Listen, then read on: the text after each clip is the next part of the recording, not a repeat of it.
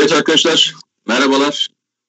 Ee, o, Nedim Bey de geldi. Başladık Nedim Bey. Şu an canlı yayındayız. Evet kusura bakmayın gecikme için. Ee, Valla onu bana değil şeye, ekibe diyeceksin. Yani burada bekleyen bayağı 59 kişi vardı. Açılmadı. Oo. Arkadaşlar e, çok teşekkür ederiz. E, Nedim Bey de aramıza katıldığına göre programı artık detaylarını konuşabiliriz. Hepinize güzel bir cumartesi günü. Tabii kapanma yaşadığımız için de evlerimizde geçirdiğimiz güzel bir cumartesi diliyorum. Hayırlı Ramazanlar tekrar. Evet. E, bugün aslında dün de e, konuşulan konuyu biraz daha detaylandırmak istiyoruz Nedim'le beraber. E, Nedim'le konuşmadım ama muhtemelen o da katılacaktır. Ermeni e, soykırımı iddiaları ve Biden'ın e, dün akşam aramasını biraz tartışalım ve konuşalım isterim. Nedim ne dersin? Evet çok iyi olur. Yani biraz çünkü önümüzdeki haftalar hep bunu konuşacağız. Türk-Amerikan ilişkilerinde gerçekten çok ciddi bir kriz dönemine gireceğiz. E, o belli. Yani öncelikle şöyle bir başlangıç yapayım istersen müsaade edersen. Sen de bu arada bir nefes al. Ee, arkadaşlar yani dün akşam e, söylediğim kelimeyi tekrar tekrar e, dillendirmek istiyorum millet kavramı dediğiniz şey yalnızca yaşayanları ifade etmez. Yani şu anda Türk milleti dediğimiz zaman e, bu dönem yaşayan 84 milyon insanı veya işte bütün coğrafyalarda yaşayan insanlarla beraber kişileri kastetmiyoruz. Türk milleti dediğimiz zaman aslında geçmişimiz ve e, bundan sonra doğacak olan bir nesli de e, ifade ediyoruz. Bu nedenle yalnızca kendimizle ilgili sorumluluğumuz değil, geçmişimizle ilgili bir sorumluluk, geleceğimizle ilgili de bir sorumluluğumuz var. Yani geçmişten bize gelen bu emaneti çok daha ileri bir seviyede Türk millet olarak ileri doğru aktarmamız gerekiyor. Bu nedenle zaman zaman şöyle e, konular duyuyoruz ve tartışıyoruz. İşte e, içimize de e, bazen ABD'ye kızıyoruz ama içimize de bu Ermeni soykırımı iddiasını dile getirenlerin nedense çok itibar gördüğünü biz biliyoruz. Ee, hani zaman zaman diyoruz ya ya biz gerçekten çok milliyetçiyiz, biz ulusalcıyız, vatanseveriz, Atatürkçüyüz diyoruz. Dün akşam Uluç e, Ülker'de Sayın Büyükelçin söyledi. Aslında e, Ermeni soykırımı iddiaları onların iddiasına göre yalnızca 1915'i değil, ta Atatürk dönemini de içine alan bir dönemi kapsadığını söylemişti. Ama siyaseten e, çok iyi yerlere getiriyoruz Ermeni soykırımı iddiasını söyleyenlere. Gazeteci olarak inanılmaz ünvanlar veriyoruz. Romancı olarak da baş tacı yapıyoruz. Böyle bir yerde, böyle bir zamanda açıkçası Amerikalılara veya Ermenilere e, kızalım mı, kızmayalım mı? Kızacaksak da sırayı nereden başlatalım sorusuyla Nedim'e pası atayım. Nedim, Vallahi, nereden başlayalım? Ee, Uzaktan mı başlayalım, yakından mı başlayalım? Yani hepsini beraber katalım istersen. Aynı anda e, aynısını e, çünkü birbirinden ayıramıyorsunuz ki.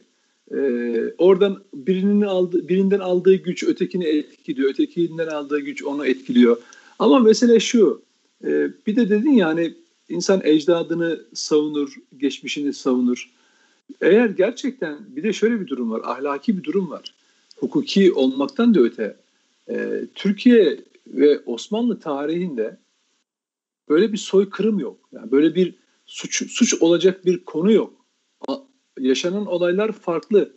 Ermenilerin o tarihte e, Fransa'nın, Rusya'nın o dönemsel olarak değişen e, etkisiyle e, kendi devletine yani Osmanlı İmparatorluğu'na yaptığı bir ihanet var. Ve buna karşı devletin aldığı bir tedbir var göçerme şeklinde ve buna ve burada soykırım suçu yok. Öyle tanımlanmış bir suç da yok zaten. Ee, ama bu e, bize bu tür suçlamalar yapan Fransa'nın tarihinde var. Mesela ben Fransız olsam ecdadımı savunamam. Ne bileyim Alman olsam ecdadımı savunamam. Değil mi? Mesela ama ben bir Türk olarak ecdadımı savunurum. Çünkü daha önce bu programın en başında söylemiştik konuşurken. Yani Türklerin bütün e, e, yani şeye çıktı, insanlık tarihine çıktığı andan itibaren gidin Orhun, Orhun yazılarına kadar. Aile, ahlak, e, devlet, toplum, insan dışında e, yaptığı hiçbir şey yoktur. Savaşmıştır, fetihler yapmıştır, kahramanca e, mücadelesini vermiştir. E, yenmiştir, yenilmiştir zaman zaman ama hiçbir zaman ahlaksızlığın içinde bulunmamıştır. Savaşırken düşmanına bu bakın sadece İslamiyet e, Müslüman olduktan sonra değil, İslamiyet öncesi dönemi de kastediyorum. Yani Müslümanın bir savaşma ahlakı vardır. Çok yüksektir, çok önemlidir. Ama Türklerin Müslüman olmadan önceki savaşma savaş yöntemlerine bakın. Her zaman kadına çocuğa ilişmezler. E, aman dile, dileyene e, ilişmezler. Yani ve böyle toplu bir hani şey var ya bir bir bir kişiye nefretinizden dolayı bir kavme e, nefret beslemeyin diye hadis var. Aynı bunun gibi. Tutup da bir toplumu kitli yani yok eden bir şeyi yok, tutumu yok. Dolayısıyla hakikaten ecdadımız, bizim ecdadımız savunulacak bir ecdat aynı zamanda. Ahlaken de böyle, hukuken de böyle. Dolayısıyla Batılılara hele hele Fransa gibi, hele hele Almanya gibi, hele faşist İtalya gibi, işte Amerika gibi. Yani sadece kızıl derili olduğu için o toprakları işgal ettiler, e, keşfettiler diyorlar onlar tabii. Yani nasıl bir keşifse Amerika'yı keşfetti. Kim keşfetti? İşte 1492 yılında değil mi? Kolomb keşfetti. Keşf mi etti, işgal mi etti? Sonraki gelen kavimler, e, İspanyolları, Portekizleri keşif mi yaptılar? Böyle yani benzetmek yanlış olmasın. İnsanları doğradılar, insanları paramparça ettiler, insanları yok ettiler. Sadece yerli olduğu için, Amerikan yerlileri yani o toprakların yerlileri olduğu için yok ettiler. Ve o insanları sana. Tabii tabii. Dolayısıyla evet. Onlar çok bir tarihine baksınlar. Çok sevdiğim bir e, anekdot vardır. Yani aslında e, bir makale e, de yazan bir bölümden al, almıştım. Alıntı yapmıştım. E, Brezilya'da e, hoca lise öğrencilerine Christoph Kolomb'la ilgili bir şey verir, ödev verir. Ve ödevin e, sonunda alır ödevleri, okumaya başlar. Bir öğrenciyi kaldırır. Der ki e, çok düşük bir not verir e, öğrenciye. Öğrenci der ki neden hani düşük not veriyorsunuz bana verdiniz? Der ki tarihi bir bakış hatası yapmışsın. Nasıl? Sen e, yazdığında şöyle yazmışsın demiş. E, Christoph Kolomb e, Amerika'yı keşfetti. Amerika kıtasını keşfetti. Peki senin ataların burada yaşamıyor muydu? Yani sen bir e, İspanyol gözüyle, bir işte Portekizli gözüyle, Tabii. bir e, İngiliz gözüyle mi e, e, tarihe bakacaksın? Çok önemli. Yoksa bir Brezilya gözüyle mi bakacaksın? Senin ataların burada yaşıyorlardı ve bu bir işgaldi. Yalnızca yanlarında getirmiş oldukları ve kıtada bilinmeyen hastalıklardan dolayı işte difterisiydi, o dönemin e, hastalıklarından kıtada ölen insan sayısı o zamanın rakamlarına göre söylüyoruz. Yaklaşık bir buçuk milyon insan ölüyor. Hastalıktan ölüyor yalnızca. Kısa bir süre içerisinde. Çünkü o hastalıkları şey tanımıyor. Hani şimdiki korona gibi düşün. Evet. Ve e, hoca ne kadar güzel söylemiş değil mi? Kesinlikle. Yani, yani bil, bilinç kaçır, tabii. Yani bilinç. E, şimdi bilinç. E, Ermeni iddialarına e, Ermenilerden daha e, iyi bakan e, bir kendi coğrafyasının gerçekliğiyle aynen. bakan insanlar var. Maalesef. Biz burada aynen işte burada bu, bu, bu kanalda başka yerlerde hep bunun mücadelesini veriyoruz. Yani Amerika'dan çok Amerikancı ve Biden'dan çok Biden'cı. Biden seçilince sevinç çığlıkları atanlar yani bakıyorsunuz aynen dediğiniz gibi sömürge aydını. Yani bizim hep itiraz ettiğimiz bu. Buna karşı bunun da bir ilacı var tabii. O da bilgi ve hafıza. Bizim yapmaya çalıştığımız da bu. O öğretmenin Brezilya'da öğrenciye söylediği cümleyi biz burada insanlara anlatmaya çalışıyoruz. Yani birisi buna merak edip insanların okuması lazım. Bakın e, gelmiş Amerikan Başkanı e, Biden e, bugün e, işte akşam üzeri Türkiye saatiyle dedi mi demedi mi diyecek muhtemelen. E işte yer yerinden oynayacak. Sosyal medyada alt üst olacak her şey. E, Türk-Amerikan ilişkileri üzerine inanılmaz analizler falan yapacak. Bir şey mi değişecek? Hayır. Düne, dünden dünden farklı olarak bugün farklı bir şey mi olacak? İnanın hiçbir şey olmayacak. Ama şu olmalı. Bak, şu olmalı. Bilinciniz gelişmeli. Emperyalizm, Amerikan emperyalizmi 15 Temmuz 2016'dan beri artık açıkça açıkça Türkiye'ye saldırmaktadır. Amerikan emperyalizmi Türkiye'de siyasi iktidarı o gün darbeyle değiştirmek istemişti. Biden'ın 2019 seçim sürecinde yaptığı röportajda olduğu gibi asıl amacı da muhalefeti veya diğer unsurları kullanarak Türkiye'de yönetim değişikliği yapmaktır. Yegane amacı vardır.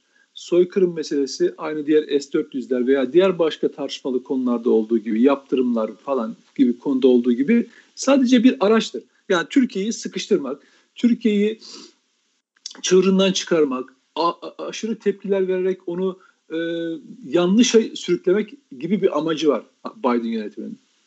Türkiye e, ben şimdi 1970'li yıllarla ilgili bir çalışma için e, arşive döndüğüm zaman o günkü siyasetçilerin tavırlarını da okuyorum. Yani 74'te de bu e, ambargo yaptırımlar, üstlerin kapatılması meselesi sırasında. Demirel'in de Ecevit'in de o dönemdeki tutumlarına bakıyorum. Hukuk zemininden hiç ayrılmadan e, işte belli bir çünkü angajmanları var Türkiye'nin NATO gibi falan. Böyle hani NATO'dan çıkalım bilmem ne yapalım hukuk, bunlarla bir şey olmaz falan biz buradan koparalım falan diyen kişi bunun alternatifini de koymak zorunda. Ama şu anda o dünya düzeninde oluşmuş bazı hukuki zeminler var, örgütler var. Oradaki varlığını koruyarak gerçeği olabildiği kadar e, şey yaparak e, açıkça anlatarak dünyaya haklılığımızı göstermemiz lazım. Buradaki sıkıntımız şu. Biz burada Türkçe yayın yapıyoruz. Amerikalılar bizi dinlemiyor. Bizim sıkıntımız şu. Bizim sıkıntımız içimizdeki e, soykırımcılar. Bak içimizdeki soykırım savunucuları. Biz bunu anla biz aslında bütün mücadelemiz bu. Yani bizi izleyenlere biz ne anlatıyoruz biliyor musunuz? Amerika'nın ne yaptığıyla beraber aslında içimizde sizin kafanızda soru işaretleri yazacak. Evet ya Türkler de galiba böyle bir şey yapmış. Hatta bunun içinde bazıları şöyle de yapabiliyor. Ya bu böyle bir suçlamanın içinde Amerikalıların dediği gibi zamanında ya da Ermenilerin dediği gibi zamanında Atatürk varsa bu suç işlenmiş de olabilir. Yani çünkü ideolojik bir noktasına dokunuyor. Arkadaşlar yok. Size size bütün bu süreçlerde bunlara oynayacaklar. Sizin bilgisizliğinizden yararlanacaklar. Göreviniz şu. Nasıl atalarınız ve bugün e, ülkeyi ülkede e, teröre karşı, düşmana karşı savaşanlar varsa, nöbet tutanlar varsa sizin de bilgi nöbetine geçmeniz lazım. Ermenilerin soykırım iddialarına karşı Türkiye'nin haklı tezlerini duymanız lazım. Herhangi birisi karşınıza çıktığı zaman bu taraftarlık olarak değil. Yani biz oturacağız sosyal medyada ve de orada burada bas bas bağıracağız. En çok biz bağıracağız ki en çok haklı görünelim. Hayır, haklılığımızı sessiz sedasız anlatacağız ve dünyayı ve Amerika'yı rezil ede ede. Yani onlara şöyle çok sessizce şöyle, şöyle söyleyeceğiz. Benim atalarım soykırım suçları işlemedi. Ama sizin atalarınız işledi. Siz Kızılderilileri yok ettiniz. Kendi coğrafyalarını e, yok ettiniz ve bugün Biden yönetimi neyle övünüyor? Bir Kızılderili kökenliği yani yerli diyelim özür dilerim Kızılderili demeyelim. Kızılderili kelimesi bile Onların e, onların söylediği. Evet özür dilerim. Başladı söyledi. E, bütün Kızılderililerden özür diliyorum. Yani Amerikan yerlerinden özür diliyorum. Onların etiketlemesidir. Yani aşağılamak için siyah e, işte zenci demek gibi e, öyle bir e, ne derler fiziki tanımlamaya gidiyorlar. Dolayısıyla neyle övünüyor? Bugün itibariyle yani bu, bu yönetim kabinette bir Amerikan yerlisinin bakan olmasından övünüyor. 1492'den bu tarafa bir yerlinin ilk defa bir yönetim katında bu kadar üst düzeyde yer almasından bahsediliyor. Peki diğerleri nerede? Toplu mezarlarda. Amerikan yerlerinin diğer ataları nerede? Muhtemelen o e, bakanın ataları da öyledir. Ama nasıl seviniyorlar değil mi? İşte e, senin e, şey var ya Mete deminden verdiğin örnekte olduğu gibi eğitim sistemi öyle insanlar yaratıyor ki o yerli de o Brezilyalı çocuk da kendi toplumuna, kendi değerlerine, ırkına demiyorum ya, değerlerine yabancılaştırılıyor. Türkiye'de de bu yapılıyor işte. Türk olmaktan, ecdadının Osmanlı olmasından, Atatürk'ten öfkelenen, nef- nefret eden, E, ve onu gitti ve onları aşağılarsa eğer kendi kültürünü aşağılarsa batılı sayılacağını düşünen bir aydın tipi var. Sömürge aydın tipi var. Bütün derdimiz bu. Bakın bu bugünün meselesi değil. Özür dilerim. E, bundan 20-30 yıl önce, 40 yıl önce gidin. E, e, yani İkinci Dünya Savaşı sonraki bütün tartışmalara bakın. Bu aydın tipi yaratılmış Türkiye'de. Çünkü emperyalizm adamı satın alıyor. Nasıl satın alıyor? Evet ona bir takım maddi menfaatler, pozisyonlar, ödüller, eğitim yoluyla bunların hepsi yaşanıyor. Dolayısıyla burada bize düşen görev bu tip insanlara karşı mücadele etmek. Ve ama hakikatle yani hiç kimse bizim atalarımız bir suç işlemiş de bunu gelin beraber ortaklıca savunalım, karşı çıkalım demiyoruz. Demiyor.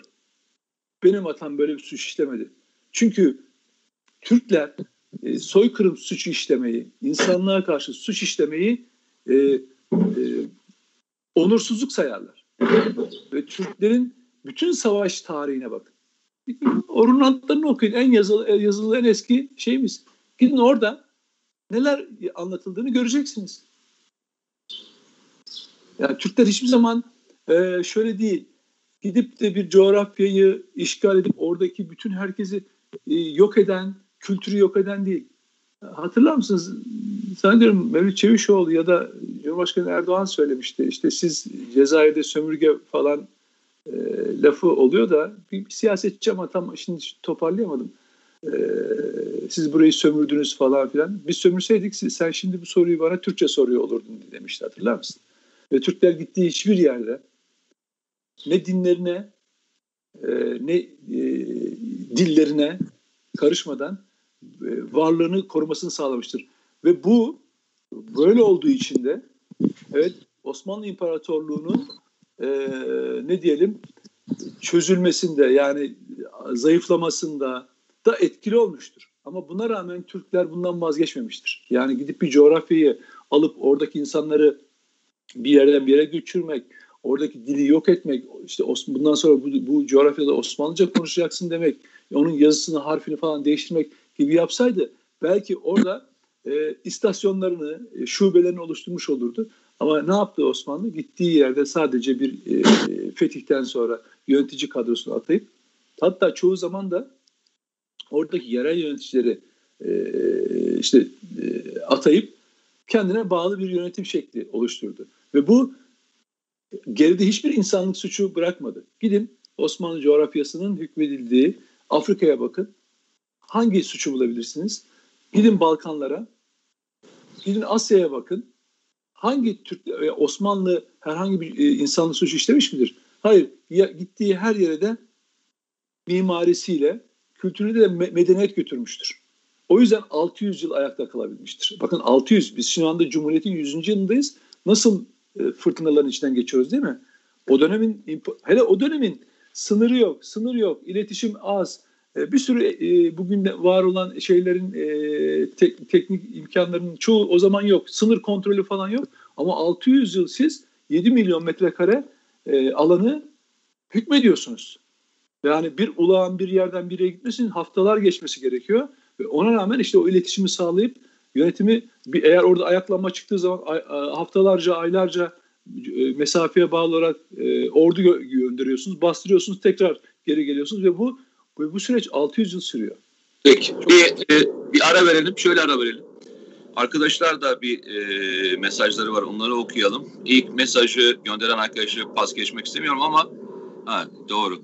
Kadir Oruç 11.28'de e, selamünaleyküm demiş. Allah razı olsun sizlerden. Nasıl olur ve diğer Mehmet Korkut, Erdem Günaydın, Sultan Diker, Ömer Ata, Halit Çelik, Şenay Göktürk, Çiğdem Kocaklı, Serkan Ermiş, Muammer Yazıcı, Tolga Öztürk, yazan yöneten ben, Leylü Nehar, Rideri Kafe Moda, Ali Kır, Halit Kay, Temel Çiçek, Alper Türkmen, Göksal Çakar, Mehmet Asan, Emircan Kurtoğlu, Feridun Özzengin, Hüseyin Üstün Bodancı, Mustafa Ustu, Usta, Sevilay Çiribaşı, Ali Er. Bu arkadaşlar tam 12'ye de gelmeden önce selam bırakın arkadaşlar. Aleyküm selam arkadaşlar. Evet merhaba herkese ee, tekrar. merhabalar. Ya e, ne diyeyim biraz güne gelerek istiyorum. Güne gelip biraz günü Tabii. konuşmak istiyorum. E, şöyle dün akşam Uluç e, Büyükelçime de sordum. İşte biz 31 ama o 42 dedi galiba yanlış hatırlamıyorsam. Dün akşam 42 e, tabirini kullandı. 42 tane diplomatımız şehit edildi. Ailesiyle beraber. Herhalde yani onlarla 30 beraber civarında şey diplomat. galiba diplomat aileyle beraber 42 e, Ermeni saldırıları sonucunda yurt dışına Tabii, saldılar. şehit olan. Yabancı vatandaşlar dahil 70 kişi hayatını kaybediyor. Şimdi düşünün 1975'te saldırılar başlıyor. İşte 1983'e falan kadar işte e, terör örgütü PKK'nın kuruluşuna kadar devam ediyor. E, zaten daha sonra BK'da yapılan bir protokolle e, aynı yerde eğitim almaya başlıyorlar. Hastalayla e, PKK terör örgütü. Şimdi arkadaşlar düşünün dünyada 1975'ten e, başlayıp 80'lerin ortasına kadar gelinen süreçte e, onlarca diplomatınız farklı ülkelerde şehit ediliyor. Ve e, ve bunu izliyoruz hep beraber. Bunu izliyoruz. Yani kendi diplomatlarımızı başka ülke topraklarında koruyamıyoruz. Bu beni en fazla üzen şeylerden bir tanesidir. Yani refleks diyorum ben hep. E, milli refleksler. Çok uzun zamandan beri Türkiye'de yapılmaya çalışılan şeylerden bir tanesi de e, değer verdiğimiz yargılar üzerine çok uzun dönemli çalışmalar, senin tabirinle psikolojik harekatlarla o milli reflekslerin çoğu kaybedilmeye başlandı. Ben bunu 2004 yılında e, çuval geçirme hadisesi yaşandığında da söylemiştim. E, oradaki hareket yalnızca e, oradaki bir özel kuvvet timine yapılan bir şey değildi. Aslında Türkiye Cumhuriyeti Devleti'ne yapılan bir şeydi. Tabii. Siz refleks vermediğinizde bir sonraki evreye geçiyor. Yani sizi test ediyor. Size tokat atıyor. Bakıyor ki tokatı bir şey demiyorsunuz. Bu sefer yumruk atıyor. Arkasından evinizi soyuyor. Ondan sonra evinizi yakıyor. Sonra memleketi işgale gidiyor. Böyle bir şeyi var. Silsilasyonu ve sistemi var. Sizi ölçüyor. Her ülke karşısındakini bir rakip olarak görür ve ölçer. Ve milli reflekslerin ne olduğunu ölçmek onlar için çok daha önemlidir arkadaşlar. Şimdi ben size soruyorum. 1975'ten 80'li yıllara kadar yurt dışındaki bizim onurumuz olan, bizi temsil eden, çünkü hepinizin malumu üzerine e, Türkiye Cumhuriyeti bayrağını aslında Cumhurbaşkanı'ndan sonra iki kişi daha ta- e, takar biliyorsun force olarak. Bunlardan bir tanesi kimdir? Valilerdir biliyorsun. Diğerleri kimdir? Büyükelçilerdir. Yani Türkiye Cumhuriyeti'ni resmi olarak temsil etme yetkisine sahip. Yani bizim protokolümüzde de o bayrak onu ifade eder. O bayrağı takan, taşıyan, yurt dışında toprağımız sayılan yerlerdeki insanlarımız katletilmiştir ve 1975'ten işte geldiğimiz güne kadar Ermeni soykırımı şeye kadar işte saldıran bitimine kadar takip etmişizdir. Refleks vermemiz nereden bakarken bak 7-8 sene sürmüştür. 7-8 sene sürmüştür. Bir ülkenin e, kendini koruma refleksinin bu kadar yavaş olmuş olması ben zaten bütün saldırılar açık olduğunu söylüyorum. Ama şimdi Allah'a şükür geçen gün hatırlar mısın bilmiyorum. Ee, Irak'taki Erbil konsolosluğumuz görevlisini şehit etmişlerdi hatırlıyor musun? 48 saat içerisinde öldürülenler yani olaya karışanların tamamı yakalandı. Emir verenler dahil öldürüldü. 48 saat içerisinde. Ben böyle bir devlet istiyorum ya. Ben şöyle bir toplum istiyorum. Atasına küfür edildiğinde, atasına laf söylendiğinde kendi üstüne alınacak. Kendi içerisinde birisi dönüp kendisiyle ilgili böyle bir ağır laf söylediğinde suratına bakıp cevabını verecek. Arkasına dönüp gitmeyecek. Biz bizim asıl sorumluluğumuz kendimizle. Yani önce ABD'ye laf söylemeden önce kendimizle ilgili yapmamız gereken ve düzeltmemiz gereken şeyler var. Kendi dersini çalışmayan hiç kimsenin başkasına dönüp hesap sorma şansı yok nedir? Düşün. 8 sene. 8 sene bekliyorsun. 8 sene bekliyorsun. Demin bir şey okuyordum. Ee, bununla çok alakalı değil ama. Baktığında e, bazı şeyler oraya doğru gidiyor. E, Atatürk Havalimanı kaç yılında kuruldu biliyor musun? De, 1953. 50, 1953. Peki Atatürk isminin verildiği tarih ne zaman biliyor musun? 81. 85. 85. 85. Yani Türkiye'nin ilk havalimanı, en büyük havalimanı, uluslararası açılan havalimanı 1953'ten 85'e kadar bekliyorsun. Sonra Kenan Evren zamanında veriliyor. Kenan Evren'e soruyorlar. Yani niye verilmedi? Açılırken unutulmuş diyor. İşin ilginç tarafı unutulduğu tarih ne kadar biliyor musun? 1953'ten 1985. İlhan Selçuk'un çok güzel bir yazısı vardır. 1900 orta yani 1960'larda yazdığı bir yazı. Bilirsin. Gardırop diye bir yazı. yani o yazıyı bir herkes okusun ya. Şimdi e, bu ülkenin devrimleri, bu ülkenin e, kurucuları, bu ülkenin e, geçmişi, bu ülkenin Osmanlı tarihi ve diğerleri yalnızca Ermeni soykırım iddiasıyla başlamıyor ki. Düşünsene hala 1453'te Bizans'ın yıkılmasına üzülen insanlar var ya. Yani 1453'te İstanbul'un alınmasına hazmedemeyip hala Konstantinopolis diyen insanlar var bu ülkede. Ve bu işgal bir gün bitecek diyen bizden birileri var. Ve bunu açık açık net olarak söyleyebiliyorlar. Sen, Şimdi Ayasofya, Ayasofya, ben sana Ayas, ha, ben ne diyeyim sana söyle bana. Ayasofya Ayasofya yapılıyor. Onunla ilgili hatırlıyor musun? Konuşmalar hatırlıyor musun? Tabii tabii şey e, sosyal medyada. Çok iyi ya. Şimdi e, Ayasofya ile ilgili işte beraber katıldığımız programlarda bayağı entelektüel arkadaşlar şeyden bahsederlerdi. İşte dünya ayağa kalkacak. Diplomatik olarak büyük tepki göreceğiz. Şöyle olacak ne gerek vardı müze kalsın falan filan. Adamlar hala ortalarda orada burada televizyon kanallarında konuşup duruyorlar yani hiç utanmadan. Ne oldu?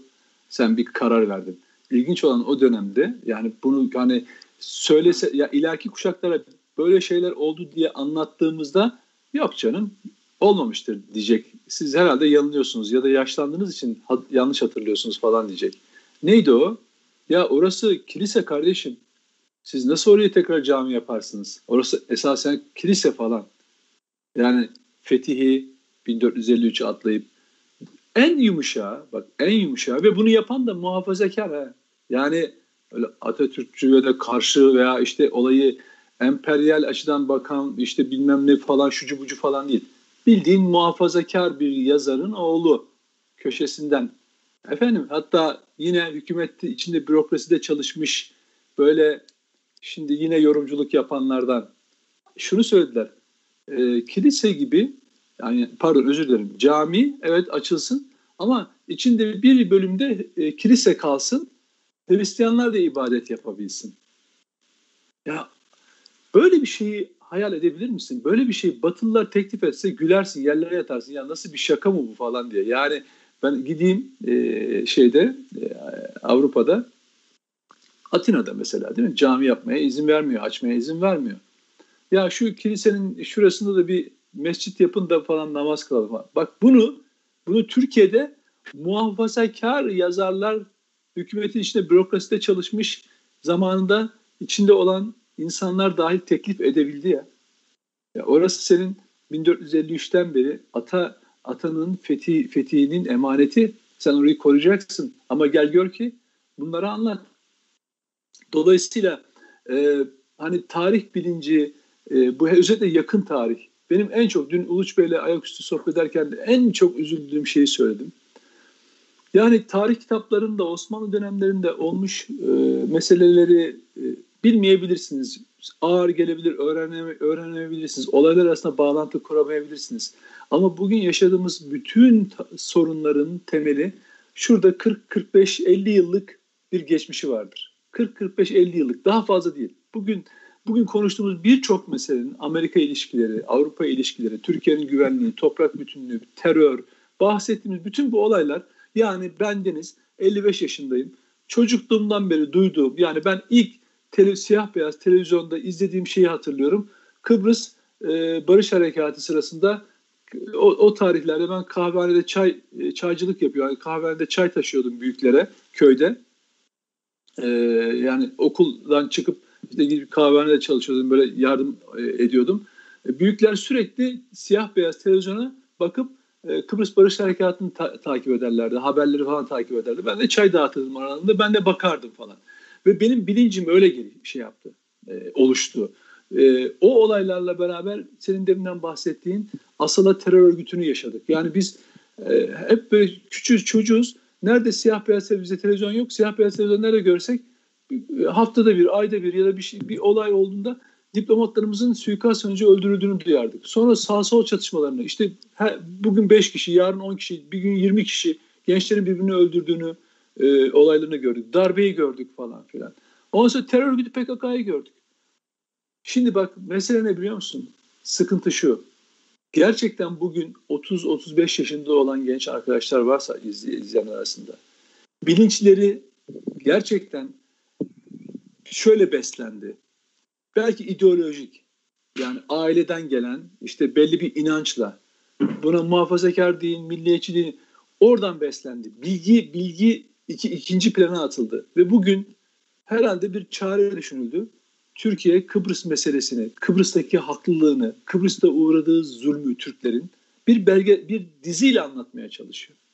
Bak, üzüntüm benim bu biliyor musun? Üz devletin devletin gücünü bir başka diziyle anlatmaya çalışıyor teşkilat diye. Bir zamanlar Kıbrıs diye Kıbrıs meselesini bir diziyle anlatmaya çalışıyor Türkiye. Bu böyle on çünkü niye biliyor musunuz? olay dizilere kaydığında yarın başka birisi size öyle bir dizi oynatır ki Netflix'te sizi tepe taklak yapar. Tepe taklak yapar arkadaşlar. Anlatabiliyor muyum? Öyle bir dizi oynatırlar ki siz kendinizden de şüphe edersiniz. Varlığınızdan da şüphe edersiniz. Evet TRT yapıyor. Evet özgün e, insanlar beğeniyor. Duygulara hitap ediyor. Ama yarın öyle birisi bir dizi yapar ki bu iş dizilerle olmaz. Bunu eğitim yoluyla insanlara aktarmak lazım. Efendim biz ne yaptık zamanında? Bunu çok kısa süre önce yaptık. Bu hükümet döneminde yaptık. E, e, şey arası, toplumlar arasında kin nefreti e, büyütüyor diye Yunanistan'la ilgili Yunanistan'ın işgali, Anadolu topraklarının işgaliyle ilgili emperyalizmle ilgili bölümleri çıkardık. Dostluk, barış eli uzattık. E, çünkü niye Kopenhag kriterleri hayatımıza girdi? Avrupa Birliği meselesi de hayatımıza girdi. Açılım süreçleri yaşadık. Biz andımızı kaldırdık ya. Andımızı kaldırdık. Bugün dönüp ne yapıyoruz bugün biz ulusal bilincimizi?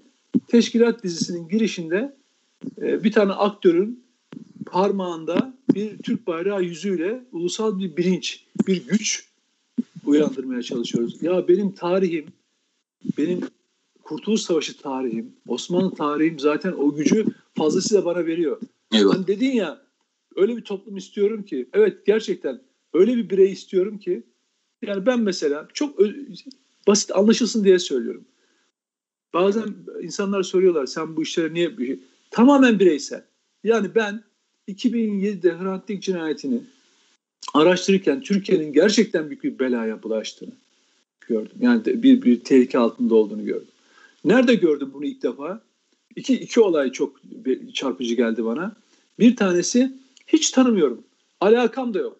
Hiç hiçbir şekilde ilişkim de yok. Dursun Çiçek isimli bir tane kurmay, subay, üniformalı. Bunu tutukladılar arkadaş. Ha suç işlemişse tabii tutuklanabilir. Beni hiç ilgilendirmiyor. Ama sahte bir dökümanla Mehmet Baransu isimli bir e, tetikçi, FETÖ'cü tetikçinin sahte dökümanıyla tutuklandığını görüyoruz. Hepimiz görüyoruz. Ama millet korkudan ses çıkarmıyor. Ben oturdum. Dink cinayetinden sonra Fethullah Gülen Erge, e, e, Ergenekon belgelerinde Fethullah Gülen ve Cemaat diye bir kitap yazdım. O, o odur onun içindeki bölüm. Asıl odur. Yani oradaki o olaya isyanımdır. Arkada Hrant, Hrant Dink cinayetine o kitapta hiç girmemişimdir. Ama Ergenekon belgelerinde Cemaat diye FETÖ'nün o günkü görünen yüzünü ve arkadan TSK'ya yaptığı operasyonu anlatmak için yazdım o kitabı hocam. Eyvallah. İkinci olay hani e, devlet bitti falan filan dedi de bak Erzincan Başsavcısı İlhan Cener. Tanımıyorum adamı. Hiç tanımıyorum. Ama bir başsavcının kollarından böyle alçakça sarılıp aşağıya çekerek onu tutuklamaya girişen makamından sürükleyerek götürmeye çalışanları görünce ben oturdum ağladım. Niye biliyor musun? İlhan Cener'i tanımıyorum. Onun için değil. Devletim gidiyor diye. Bak devletim gidiyor diye. Ve ben bunu nereden alıyorum? Bunu daha önce de anlattım. Ya arkadaş gençliğe Atatürk'ün gençliğe hitabesini okuyun ya. Bak okuyun. Ben ilkokulda size yemin ediyorum ya. Çocuk halimle duvarda oturur okurdum onu. Duvar hani duvarda otur duvarda hani şey vardır ya yazılar vardır bir yerler okursunuz. Ya oturun okuyun. Bak bu yayından sonra bir gençliğe hitabı okumamış olanlar eminim var aranızda. Bak eminim var. Lütfen Peki. okuyun. Orada görevin görev bu yani legal olmak üzere, hukuk içinde olmak üzere. Sana bu ülke tehlikeye girdiğinde nasıl bir motivasyon veriliyor? Sana verilen görev nedir? Onu anlatıyor. O zaman var ya seni hiç kimse yıkamaz. Ya inançlı insandan daha güçlü hiçbir şey görmedim ben hayatta. Hiçbir Aynen. şey görmedim. Dünyanın en büyük tabii. Dünyanın yani... en büyük sistemlerini kurun. İnançlı bir insan, inanmış bir insan her şeyi değiştirebiliyor hayatta. Aynen öyle. Ee, bir bölüm okumak istiyorum ve ona da veda etmek istiyorum. İlhan Selçuk'un bir yazısı. Aslında bugün anlattığımızı o kadar güzel kelimelerle e, ifade etmiş ki okuyayım istersen. Ee, şöyle başlıyor. Halkı hor gören, batının üstünlüğüne körü körüne inanan. Çok güzel demin söylediğin laf gibi. Amerikan zencisine, Amerikan beyazından düşman. Yani Amerikan beyazından daha düşman Amerikan zencisine. Batının üstünlüğüne batıdan daha fazla inanan. Kongolu'ya Belçika'dan daha hırslı Kongolu'ya. Evet. Çinli'den korkan Cezayir'e kin duyan. Nasır'a İngiliz'den fazla diş bileyen. Batı toplumu tenkit ve tahlil eden, çağdaş düşünceyi ve akımları küfür sayan. Bak bir kez daha söyleyelim mi? Evet. Batı toplumu tenkit ve tahlil eden, çağdaş düşünceyi ve akımları küfür sayan. Atatürk'ün Milli Kurtuluş Savaşı'nı Amerikan kapitalizmine, emperyalizmine satmakta mezat memuru. Son yılların ortaya çıkıyor ki Atatürk'ün bağımsız kurtuluş hareketini yabancılarla ortak çıkartan yetenler. Bundan daha güzel tabir var mı? Tabii. Tabii. O kadar güzel tabir etmiş. Tabii. O kadar güzel çerçeve yapmış ki. İşte, işte devrim aramaları konuşuyoruz aynı şey başımıza geliyor. Nuri konuşuyoruz aynı şey başımıza geliyor. Arkadaşlar ben bugün kapatmadan önce bir cümle şey Öyle. yapmak isterim. Ee, bugün e, Diyarbakır annelerinin 600. günü arkadaşlar. Hı. Bakın çok önemli bir şey yapılıyor. Bizi terör tarihimizde yaşadığımız acılar içinde böyle bir süreç yaşamadık. 600 gündür anneler Diyarbakır'da bir e, eylem e, gerçekleştiriyorlar. Sadece Diyarbakır'da 226 aile şu anda eylemini sürdürüyor ve bugüne kadar 24 e, kişi ailelerine kavuştu bu evlet nöbeti sayesinde ve bu Şırnak'ta, Van'da ve Muş'ta büyüdü. Bir büyük toplumsal harekete dönüştü. Nerede yapılıyor bu eylemler? HDP il binalarının önünde. Yani PKK'nın terör örgütü PKK'nın personel bürosu. Terör, terör örgütü PKK'nın sözcüsü olan ve ona personel büroluğu yapan HDP'nin il binalarının önünde yapıyor. Aileler şunu biliyorlar. E, çocuklarımız buralardan daha kaçırıldı. Onun, onun için de orada istiyorlar. Şimdi bakın benim yaşadığım süreçte biz hep teröre karşı savunma halinde olduk. Bugün Türkiye'de e, 50'den 55'e yakın, bakın yılbaşından bu tarafa 55'e yakın terörist kendiliğinden ikna yolunda teslim oldu. Çok önemli gelişmeler. İçerideki varlıkları 300'ün altına düştü. Katılım 10. En fazla 10 şu ana kadar e, Türkiye içinden. Ve gitgide Türkiye e, e, proaktif yani onlar gelmeden sen e, sahada onları etkisiz hale getiriyorsun ve üstünlük kazanıyorsun teröre karşı. Ama asıl psikolojik üstünlükte Diyarbakır anneleri çok önemli. Onları destekleyin. Bakın bu gerçekten ulusal meselelerden bir tanesidir. O, o insanların, o annelerin ne yaptı HDP'liler? İşbirlikçi dedi, ajan dedi, parayla buraya geliyorlar dedi. Ama onlar için onlara oy verirken onlar Kürttü ama bugün onlara Kürt demiyorlar. Onlara işbirlikçi diyorlar. Bu kadar da alçak bir terör örgütü sözcülüğünü yapıyorlar. Dolayısıyla bizim görevimiz, biz onları tanımıyoruz. E, e, acıları bizim de acılarımız. Annelerin anneler ne derse başımız üzerinde ama ruh ve beden olarak onların yanında olmalıyız ve desteklemeliyiz arkadaşlar. Bu çok önemli bir gün bence. Evet. Ee, dün akşam tasavvufu bir e, söz söylemiştim. Onunla bitirelim, vedalaşalım. Demiştim ki insanlar üç tip insan vardır. İşte ensesine tokat yediğinde dönüp hiç bakmadan tokat atar. Diğeri döner bakar kimdir diye bakar. Ona göre tepki verir. Üçüncüsü de tasavvuf ehli ensesine tokat, tokatı yediğinde ben buna nasıl cesaret verdim de o tokatı benim enseme attı diye düşünür. Evet, enseyi boş bırakmayın. Enseyi eğmeyin kimsenin. Her zaman söyleyeceğim tek şey o enseyi tokat attır, attırmaya teşebbüs etmekten bile çekinecek. İnşallah e, günler hep beraber görürüz. Kendinize çok iyi bakın. Allah'a emanet olun. Hayırlı Ramazan. Yok görüşmek. Tamam.